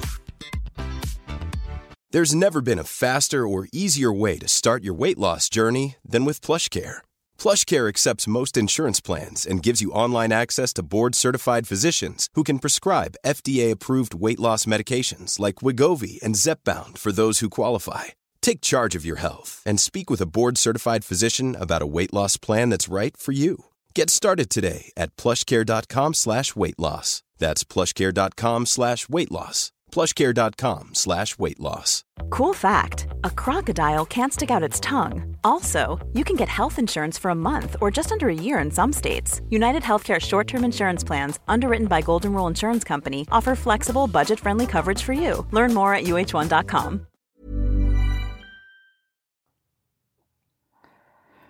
Ja, det, er det, det, det, det siste du nevner, som eh, du har et godt bilde på det. Det er fiskespillet. Det har vi fortsatt. Eh, det eksisterer fortsatt. Eh, vi har det på rommet til en minste. Så, men at det er dårlig timing hele tiden. At det, det er det som er så frustrerende. Ah, der traff de hverandre nesten, men, men, ikke helt. Som den situasjonen hvor han er på den festen og dytter kameraten istedenfor å ta imot en, en mulighet. Mm. Tar liksom ikke servene til hverandre. Nei, og så tenker jeg sånn Egentlig sånn, sånn Det klokeste kanskje da som skjer i den eh, personlige fortellingen til Cornelius, er jo egentlig at han, Han Selvfølgelig det ene er at han blir eh, blir jo litt mer sånn åpen av seg. Men så blir han jo også, kommer jo bare også litt mer eh, Han aksepterer at, sånn, at livet nødvendigvis ikke alltid er så lett, da, som det på en måte jo har vært for han. det at sånn eh, Har du hatt det veldig lett, så vil, eh, vil motgang også føles veldig sånn stort og urettferdig også, ikke sant? Um, det er også mulig at man har adoptert noen standarder og en, en slags eh, idé. for du sier Alt, alt blir jo fortolka, enhver smerte blir jo fortolka inn i et eller annet uh, operativsystem. Og hvordan du har lært å tenke om uh, psykisk smerte, vil også påvirke hvordan du opplever psykisk smerte. Det samme med fysisk smerte. altså hvordan, er Derfor er jeg litt sånn uh, opptatt av ikke bli for Å, stakkars deg på ting som åpenbart ikke er så veldig vondt. For det er frykt for å gjøre det større enn det egentlig, egentlig er. Du må finne en slags sånn cutoff på hva som er skikkelig vondt, og hva som, hva som, ikke er så vondt, som du bare børster, børster av deg. Så, så vi, vi, har jo alle dette operativsystemet som fortolker, fortolker smerten. Og det å, det å ha et, en, en mulighet til å fortolke dette på altså hvis vi har en nullvisjon hvor all form for ubehag på innsiden er noe som er uønsket, så, så er vi på et forferdelig vanskelig sted å være, for det er en veldig smal sti, sti her. Så, så, hvis man kunne hatt en slags sånn, litt sånn interesse for sitt eget ubehag òg, en slags interesse for sin egen eh, flauhet eller sjenanse eller uro i ulike situasjoner, så, så ville det være å, å, å, fortsette å gå i de situasjonene for å finne ut mer. Hvis du, hvis du klarer å komme i forkjøpet og være litt nysgjerrig, så er det selvfølgelig smertefullt og ubehagelig der og da, men det er også potensial for å bli et ganske mye mer solid menneske på sikt. da. Når vi trener kroppen vår, så er det innforstått at vi får jævlig vondt dagen etter hvis vi ikke har trent på, på en stund. Det liksom, det ligger, Fysisk trening så ligger det i konseptet at det, det skal ikke være deilig. Altså, Du skal jogge jævlig lenge før det blir deilig, tror jeg. Sånn, jeg kjenner som jeg jogger så sykt mye. Jeg sier du får sånne runners high. Jeg har aldri kjent på bare ja, men da må du løpe så, så mange tusen timer da, før du får det. Og det er veldig få av oss som, som har det. De fleste av oss prøver bare å holde oss i, i, form for ikke dø for tidlig på en eller annen måte, eller få livsstilssykdommer. Og det er smertefullt, men vi gjør en innsats, og vi vet at det er sunt for oss. Men vi har ikke den samme innstillingen når det gjelder eh, det psykologiske. Vi prøver helst å unngå det, og hvis vi ikke kan unngå det, så går vi til legen og spør om han har en medisin som kan ta det vekk. Og det er rart å prøve å ta vekk et signal som virkelig skal fortelle deg noe.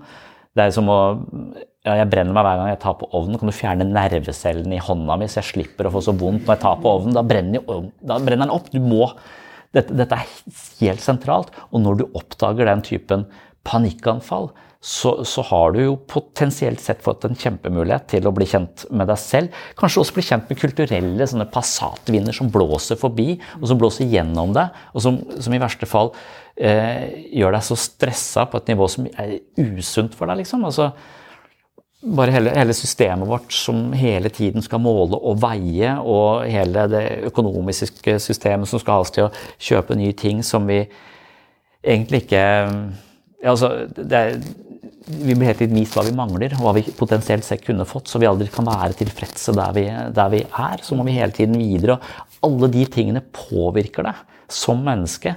Og så plutselig så blir du den som da får, eh, får det rett i hjertet, som en slags anfall. Eh, som en kjempevarsko. Nå har det gått for langt. Liksom. En slags revolusjon i kroppen din som skal fortelle deg noe jævlig viktig. Og hvis du da bare prøver å stikke av, så blir det ikke noen revolusjon. da.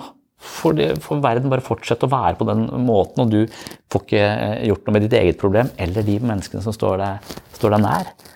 Men så tror jeg likevel, jeg, tror, jeg, jeg er helt enig med deg, og så tror jeg likevel at det, det er viktig å øh, øh, være litt sånn Jeg prøvde i skriveprosessen å være veldig sånn respektfull overfor det at at Cornelius på en måte ikke klarer eller kan eller vet om i det hele tatt at det er en mulighet å tenke sånn. ikke sant? At han, fordi han opplever det første gang, så, så finnes det ingenting i han som tenker eh, Hva kan jeg lære av dette? Altså, det er bare vekk, vekk, vekk. vekk. Få det vekk, liksom. Ja. Eh, han blir jo spurt om sånn ja, hvor, hvor mye ville du gitt for aldri få det tilbake. Og sier han jeg ville kappet av en arm. Mm. Um, de tenkte først det var en finger. Mm. Eller tuppen av fingeren. Ja, Altså, nei, det er armen. Mm. Ja. Altså bare sånn, få det, få det vekk fra meg, ikke sant? Ja. Um, så jeg tror også det er um, Jeg tror også det er viktig å, um, å møte det i det at den subjektive opplevelsen av, av alvoret Ja. eh, Det at det oppleves alvorlig og ehm, nytt, ehm, var veldig viktig da, for, ehm, for den skriveprosessen. Og han ville jo også vært en helt annen karakter hvis han, hvis han satte seg ned og tenkte 'hva kan jeg lære nå'?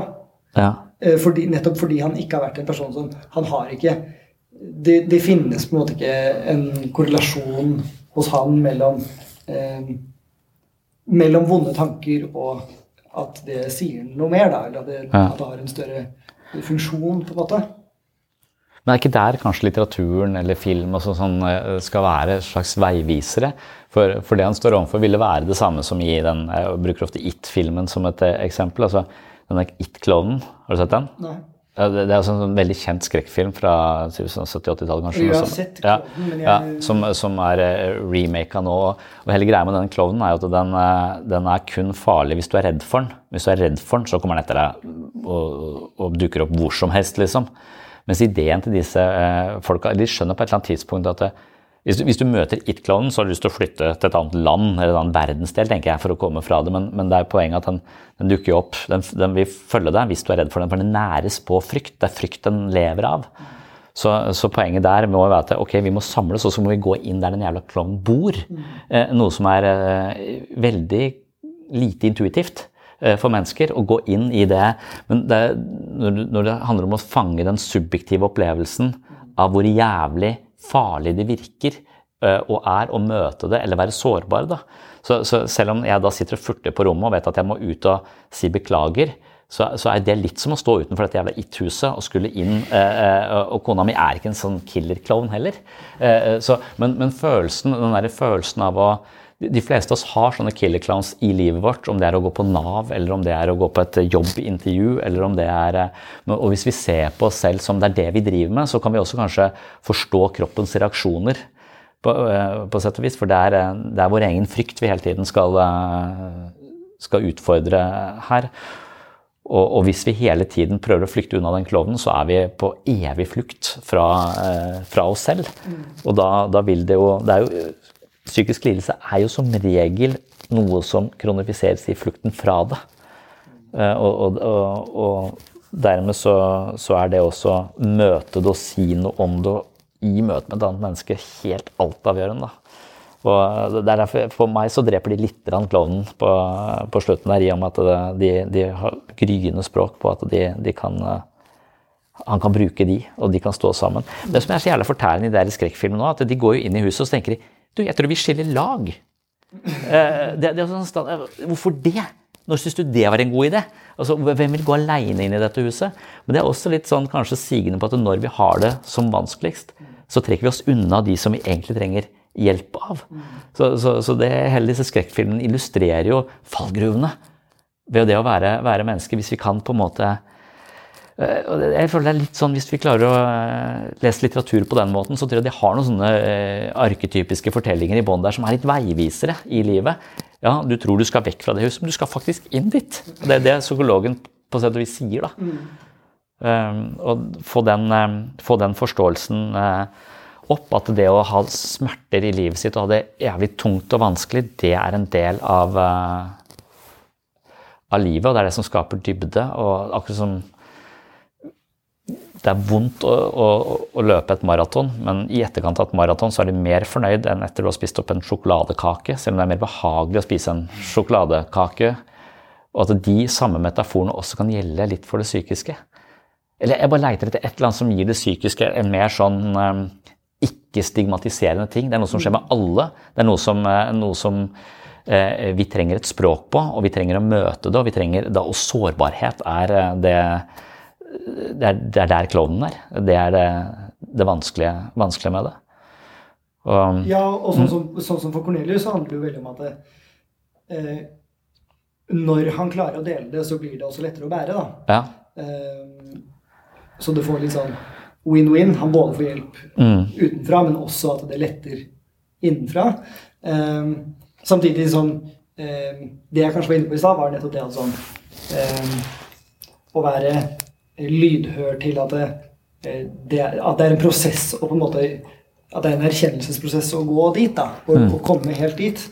Um, det tenkte jeg var veldig viktig. At, sånn, at det, ville bli, det ville vært en helt annen bok hvis jeg stilte et krav eh, Hvis jeg stilte et krav til denne hovedpersonen eh, om å være helt sånn eh, rasjonell. Altså at, det, at det også krever jo veldig mye sånn å kjenne seg selv. da. Eh, at, og nettopp å bli kjent med hva er det egentlig som skjer med meg nå. Ja. Hvorfor, uh, hvorfor opplever jeg dette her? Uh. Men hvis livsbestring på skolen er uh, å lære seg å møte klovner, er det en god ting, eller driver vi og blåser vi opp psykisk helse sånn at vi, sånn som du sier, jo mer du tenker på det, jo mer får du det, jo mer du blir klar over det. Det at det, det øker, at psykiske plager øker, er det fordi vi skaper det eh, ved å fokusere så mye på det? Du kan jo studere Jupiter, på en måte, og Jupiter vil ikke forandre seg bare fordi du observerer Jupiter. Men idet du observerer et annet menneske, en gruppe mennesker, så vil de forandre seg i kraft av ditt blikk på dem, nærmest. Altså din, din forståelse av det, som du formidler tilbake til de, vil også forme. Så, så hver gang vi undersøker mennesker, så former vi de også. Og hvis vi får da eh, livsmestring, vil Jeg tror kritikken mot det er, frykten for det er at vi får for mye fokus på det. Alle skal ha hver sin eh, psykolog. Alle skal, eh, alt som er smertefullt, skal snakkes om og, videre. Det vil være én bekymring som ligger et eller annet sted i, i samfunnet. Og andre bekymringen er Rådebank eller din bok. om at her mangler vi den connection som, som skal til. Og du står helt alene. Du tror du har fått kreft, liksom. Eller eh, du, du aner ikke eh, hva det er, og du tror du er like maktesløs som du kanskje vil oppleve å være i møte med kreft. Da, selv om du sikkert har en del handlingsrom der også. Eh, Men du opplever at nå er jeg helt Du må redde meg. Du er lege. Gi meg det jeg trenger. Mens mens psykiske plager trenger ikke å være i kreft. Det, er, det kan være noe, noe helt annet. Nei, men sånn, akkurat, akkurat om dette med livsmestring, da, så tenker jeg kanskje sånn, kanskje noe av det viktigste da er ikke det at alle, alle lærer mer om sine egne følelser, men kanskje lærer det at alle lærer mer om følelser, gjør kanskje også at det, at det skjer et eller annet med, eh, med den store konteksten, da, altså med, med, med det mellommenneskelige, ikke bare det menneskelige sånn, Ja. individuelt sett. Jeg tenker kanskje det er noe av det, av det viktigste. da. Eh, for det er litt, det eh, denne vennegjengen til Cornelius eh, testes og stryker på, er jo nettopp den derre det å evne å se hverandre. Eh, at alle jo Alle ser seg selv eh, og er observante på det, men de klarer ikke å ta hverandre imot. Og det er kanskje Jeg vet ikke hvordan det fungerer, dette livsmestrings... men, men, men jeg tenker at det er vel noe jeg ser på som en sånn best case scenario. da, At man nettopp får det opp sånn at det, når, når de derre Når de uh, virkelig alvorlige tingene kommer opp, så, så finnes det et uh, kanskje mer stabilt uh, nettverk der, da, som kanskje har noen tanker om Ikke nødvendigvis hvordan hva man skal gjøre med det, men bare hvordan man tar det imot. altså sånn kanskje gå mot en Ja, hadde du spørsmål? Jeg ble litt nysgjerrig når du snakka om denne klovnen og frykt. Eh, som blir nærmere sett på frykt. Det høres ut som Cornelius eh, Ja, vi har møtt denne klovnen, da. Mm. Så det er spørsmål kanskje først til deg, din faglige, eh, faglige svar på det, og så til svar. Er, eh, er det mot Cornelius mangler? Er Cornelius feig?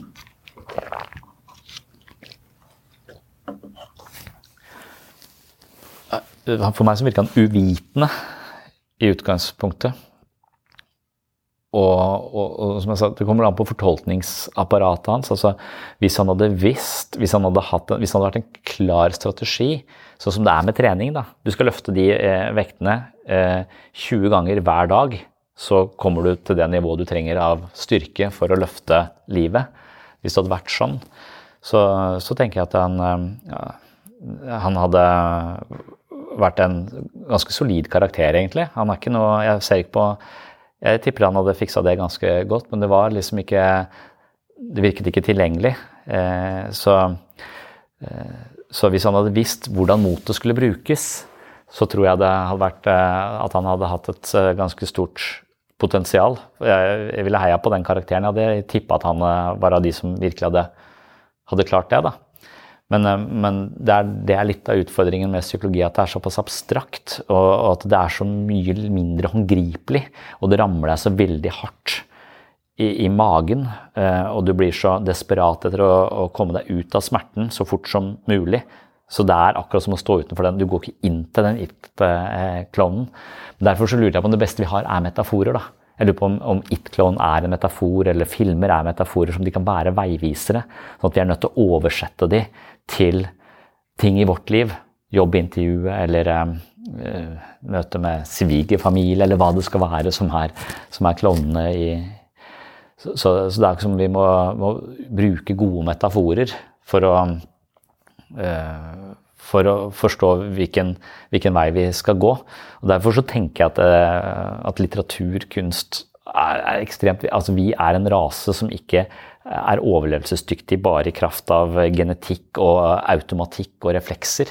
Vi har også et, et repertoar av eh, kunnskap som er innleira i kulturen vår, som, som, vi er nødt til å koble inn i for å, eh, for å vite hvordan man Eller for å få noen vei, veivisere for hvordan, hvordan, vi lever.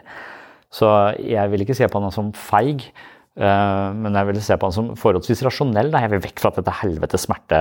Eh, det er jo naturlig å ta vekk hånda fra, fra ovnen når det, når det, brenner i hånda di, men så er kanskje psykisk smerte en litt annen karakter enn det. så det det som brenner, er mer subtilt, og det er sannsynligvis en hel haug av faktorer som til sammen har gjort så vondt. Og Freud sa at vi skal gjøre det ubevisst og bevisst, da, men jeg tenker det er litt det vi leiter etter. Det er det jeg leiter etter når jeg leser boka. Altså, har han noen hypoteser om hvorfor han har det sånn? Han virker ikke som om han genererer hypoteser engang. Han virker som om han bare blir eh, ramma av været. Eh, og hva forårsaker været? Du må være meteorolog. altså Vi vet ikke. Det blir bra, det var jævlig bra vær i dag. Og det, det, er litt sånn som han forholder seg til sitt eget indre liv, da, som, eh, som været. Står opp om morgenen og ser åssen det, det ser ut. Faen, det stormer. Uh, og, så det er, det, er, det er, litt passivt kanskje også. Litt sånn at ikke nysgjerrigheten hans er større, kanskje, tenkte jeg. Uh, men jeg tror der er vi også veldig forskjellige personlighetsmessig. At vi er skrudd sammen på veldig forskjellige måter. Noen er uh, ganske intuitive, eh, kontra de som er veldig sansende. De som er veldig sansende opptatt av det med å flytte, og veie, og løfte og måle. Mens de som er intuitive, vil ofte bevege seg mer i det mer abstrakte. Og hvor åpen man er for følelser, f.eks., osv. Vil, vil spille en rolle.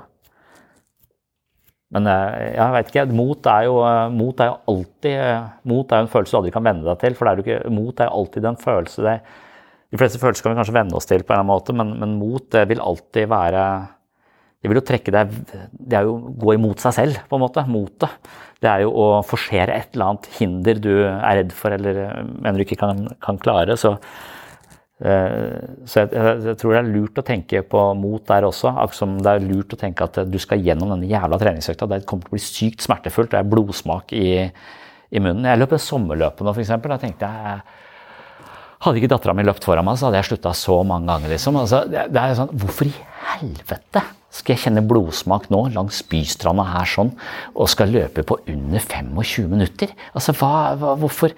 Eh, eh, så, så, det er så lite intuitivt. Og, og den, den, euforien jeg følte etterpå, den der enorme gleden, at jeg har forsert min egen motstand mot å ha vondt i kroppen, men den, det, er så, det, er så, lett. For du skal, du, jeg visste 25 minutter, dyp og inderlig smerte. Jeg løper aldri, bortsett fra når det er sånne uh, sommerløp. Så, også, også, eh, men etterpå, den der forløsende ja, jeg vet ikke, jeg var glad i flere dager. Jeg var så stolt òg.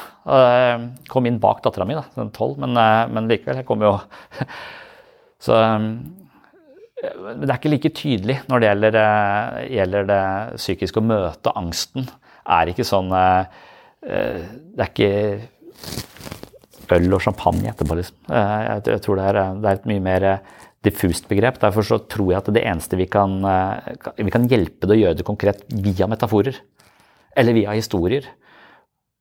Så, så, for meg så Rådebank eller din bok er et blikk utenfra. Og alle som leser det, skjønner at det, Faen, hvis han bare hadde sagt det nå, istedenfor å holdt det inni seg, så veit vi at Oliver hadde tatt imot. For Oliver ser det. Han, han ser han. Og han vet at han ser. Det er det jeg til. Det er det mot han. Ja.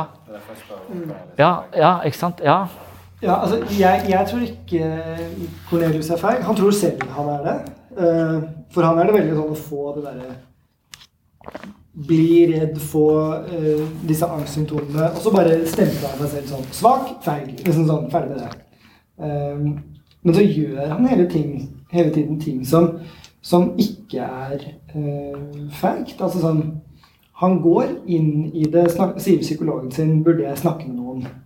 Eksempel, og så reflekterer han selv sånn at han blir overrasket over at han sier det selv. Og han, han sier sånn Jeg skjønner ikke at en som er så feig som meg, kan spørre om noe sånn. Fordi at han mener sånn at det krever mot å be om hjelp på den måten. da. Ehm, så jeg eh, er veldig enig med deg at det handler om uvitenhet. da. At sånn, i den, i den situasjonen så evner ikke Cornelius å, å se hva som skal til. Altså sånn, han, han har ikke han har liksom ikke verktøyene for å angripe situasjonen, tror han. Eh, og så lærer han seg det etter hvert, men eh, Men nei, jeg, jeg, tror, jeg, tror så, jeg tror han er så modig han kan, på en måte, til enhver tid, i, ut fra hvordan han leser vennene sine og, og seg selv og uh, symptomene sine og sånn. Uh, men jeg vil nok ikke gå så langt til å si at han er sånn Han er en skikkelig modig karakter. Det tror jeg uh, det er han nok ikke. Han vil jo ikke ha han vil, han vil ikke stå i ubehaget. Han vil ikke ha blodsmaken i munnen, liksom. Han vil, han vil i så stor grad heller at det skal gå over at han trekker seg unna å ignorere det isteden. Man hadde helt sikkert gjort det hvis det gjaldt å løpe. Det kan godt være han er en fyr som hadde løpt og fått blodspak i munnen, for det, det, hadde vært konkret for han, han hadde forstått det. Han forstår hvorfor han har eh, smerten. Den er forventet. Den er en del av gamet, på en måte. Men det virker ikke som en, game, en del av livsgamet å få den typen smerte som han får. Nei. Selv om det er det. Ja, nettopp. Ja.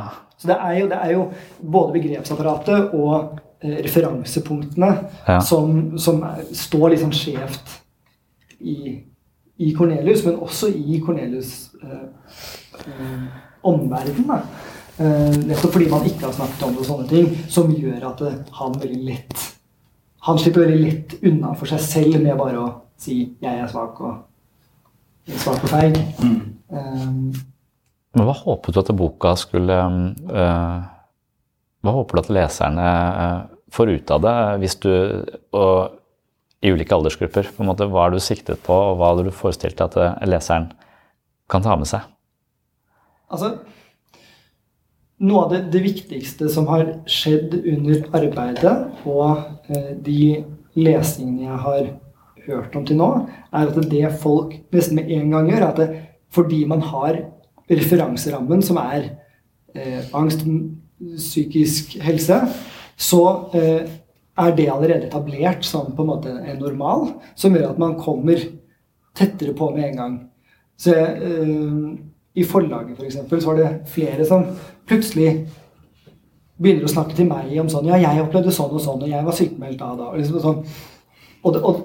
Det, at det blir en sånn døråpner som er Det, det går jo ikke folk rundt og, og prater om på den måten. Så det er litt den derre å senke terskelen.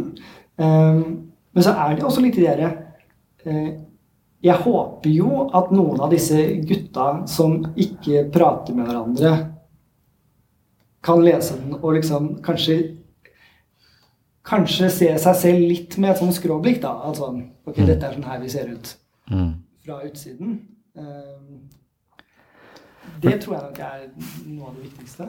Det hadde den effekten på meg i hvert fall at jeg, jeg ble, som sagt, jeg likte den veldig godt. Jeg syntes den var veldig fin. Og så har jeg da Jeg kjørte bort til Hånes Nei, til, til Ril, Randesund, eh, bort på en fotballbane her, med to jenter i bilen. ikke sant? Med dattera mi og så, så en venninne. Og, og, så, og med den i bakhodet Jeg har jo allerede en hypotese om hvorfor han har det sånn som han har det. Og jeg merker at disse, disse små jentene blir utsatt for et stadig sterkere press fra alle mulige hold. Så, så, det var også utgangspunktet. Jeg fortalte at jeg skulle møte deg, som hadde skrevet den boka som dattera mi har lest litt av. For jeg har fått henne til å lese litt her og da, for jeg syns det passet også for, for, for, henne. Så det er en slags igangsetter for meg til en samtale eh, om det.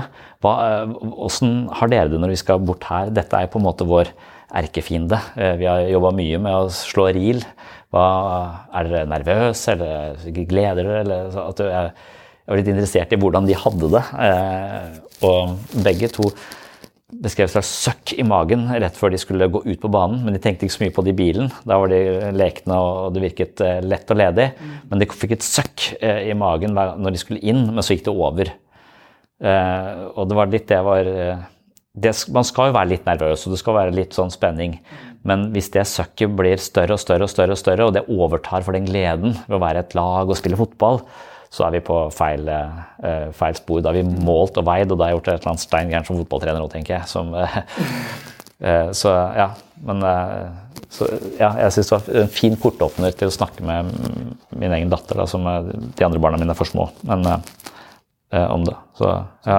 ja. Så jeg tenker det er en bok for foreldre også, og unge voksne kanskje. og jeg, jeg, håper jo det. Og sånn, jeg tenker at uh, Jeg hadde en redaktør uh, i forlaget som, som, sa at hun har en datter som At de under korona har sett at hun uh, visst sliter litt med angst. Og de har ikke liksom plukket ordentlig opp på det før det plutselig var hjemmeskole og alt mulig sånn.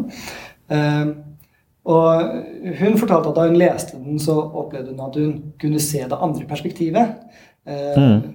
Fordi at sånn Selvfølgelig, du står jo i en litt sånn antagelig en, en, litt annen posisjon enn det antagelig mange andre gjør, nettopp fordi at du har den faglige siden av det. ikke sant? Og jeg tror det er veldig lett som forelder også, hvis på en måte hvis barnet ditt kommer fra fest og liksom bare skriker til deg at de vil at du skal bare holde deg unna, liksom, så er de bare sånn Hva er det som foregår med deg? Altså, liksom, du, da er det allerede en sånn anklage der. ikke sant? Altså, at Du møter ikke egentlig du møter ikke egentlig barnet på reaksjonen de har. Det er mer bare sånn nå skriker du til forelderen din.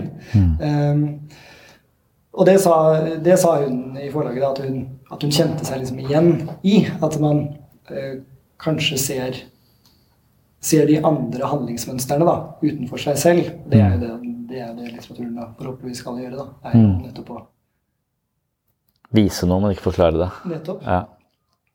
Mm.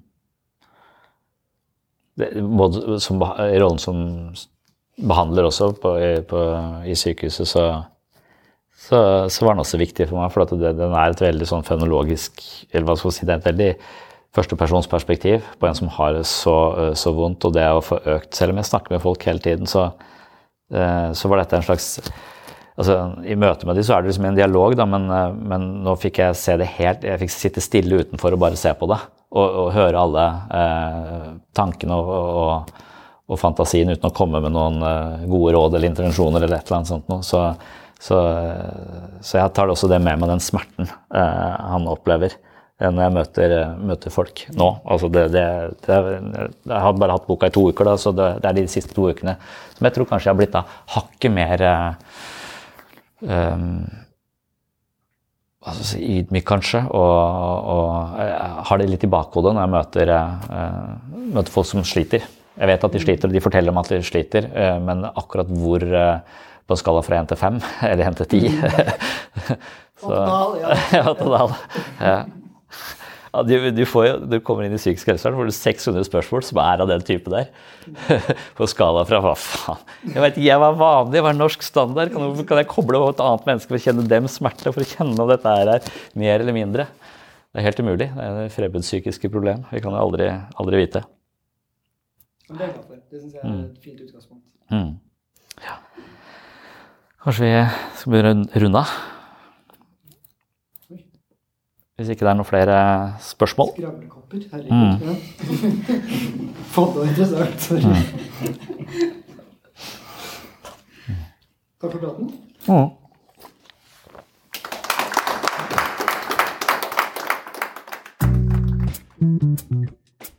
Oh, I'm just losing my mind, that's all.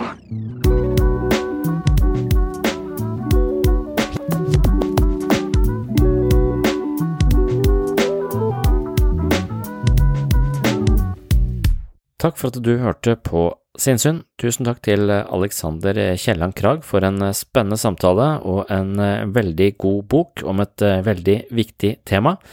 Tusen takk til Kristiansand folkebibliotek for at de setter opp denne typen arrangementer, og da en spesiell takk til Randi Berge Vandrup som inviterte meg til denne samtalen.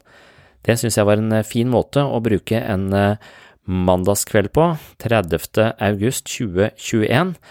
Det var det vi hadde for denne gang. Håper du henger med i neste episode.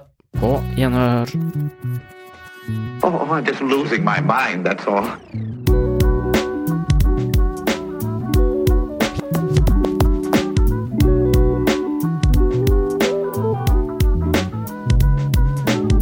Can discuss some of the I can discuss some of the I can discuss some of the psychological aspects of the case. Psycho, psycho, psychological aspects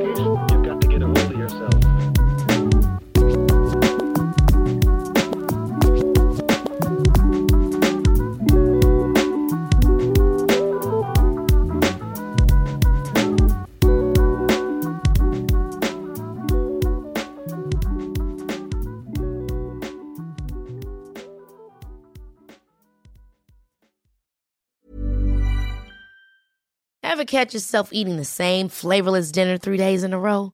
Dreaming of something better? Well, HelloFresh is your guilt-free dream come true, baby. It's me, Kiki Palmer. Let's wake up those taste buds with hot, juicy pecan-crusted chicken or garlic butter shrimp scampi. Mm. Hello Fresh. Stop dreaming of all the delicious possibilities and dig in at HelloFresh.com. Let's get this dinner party started.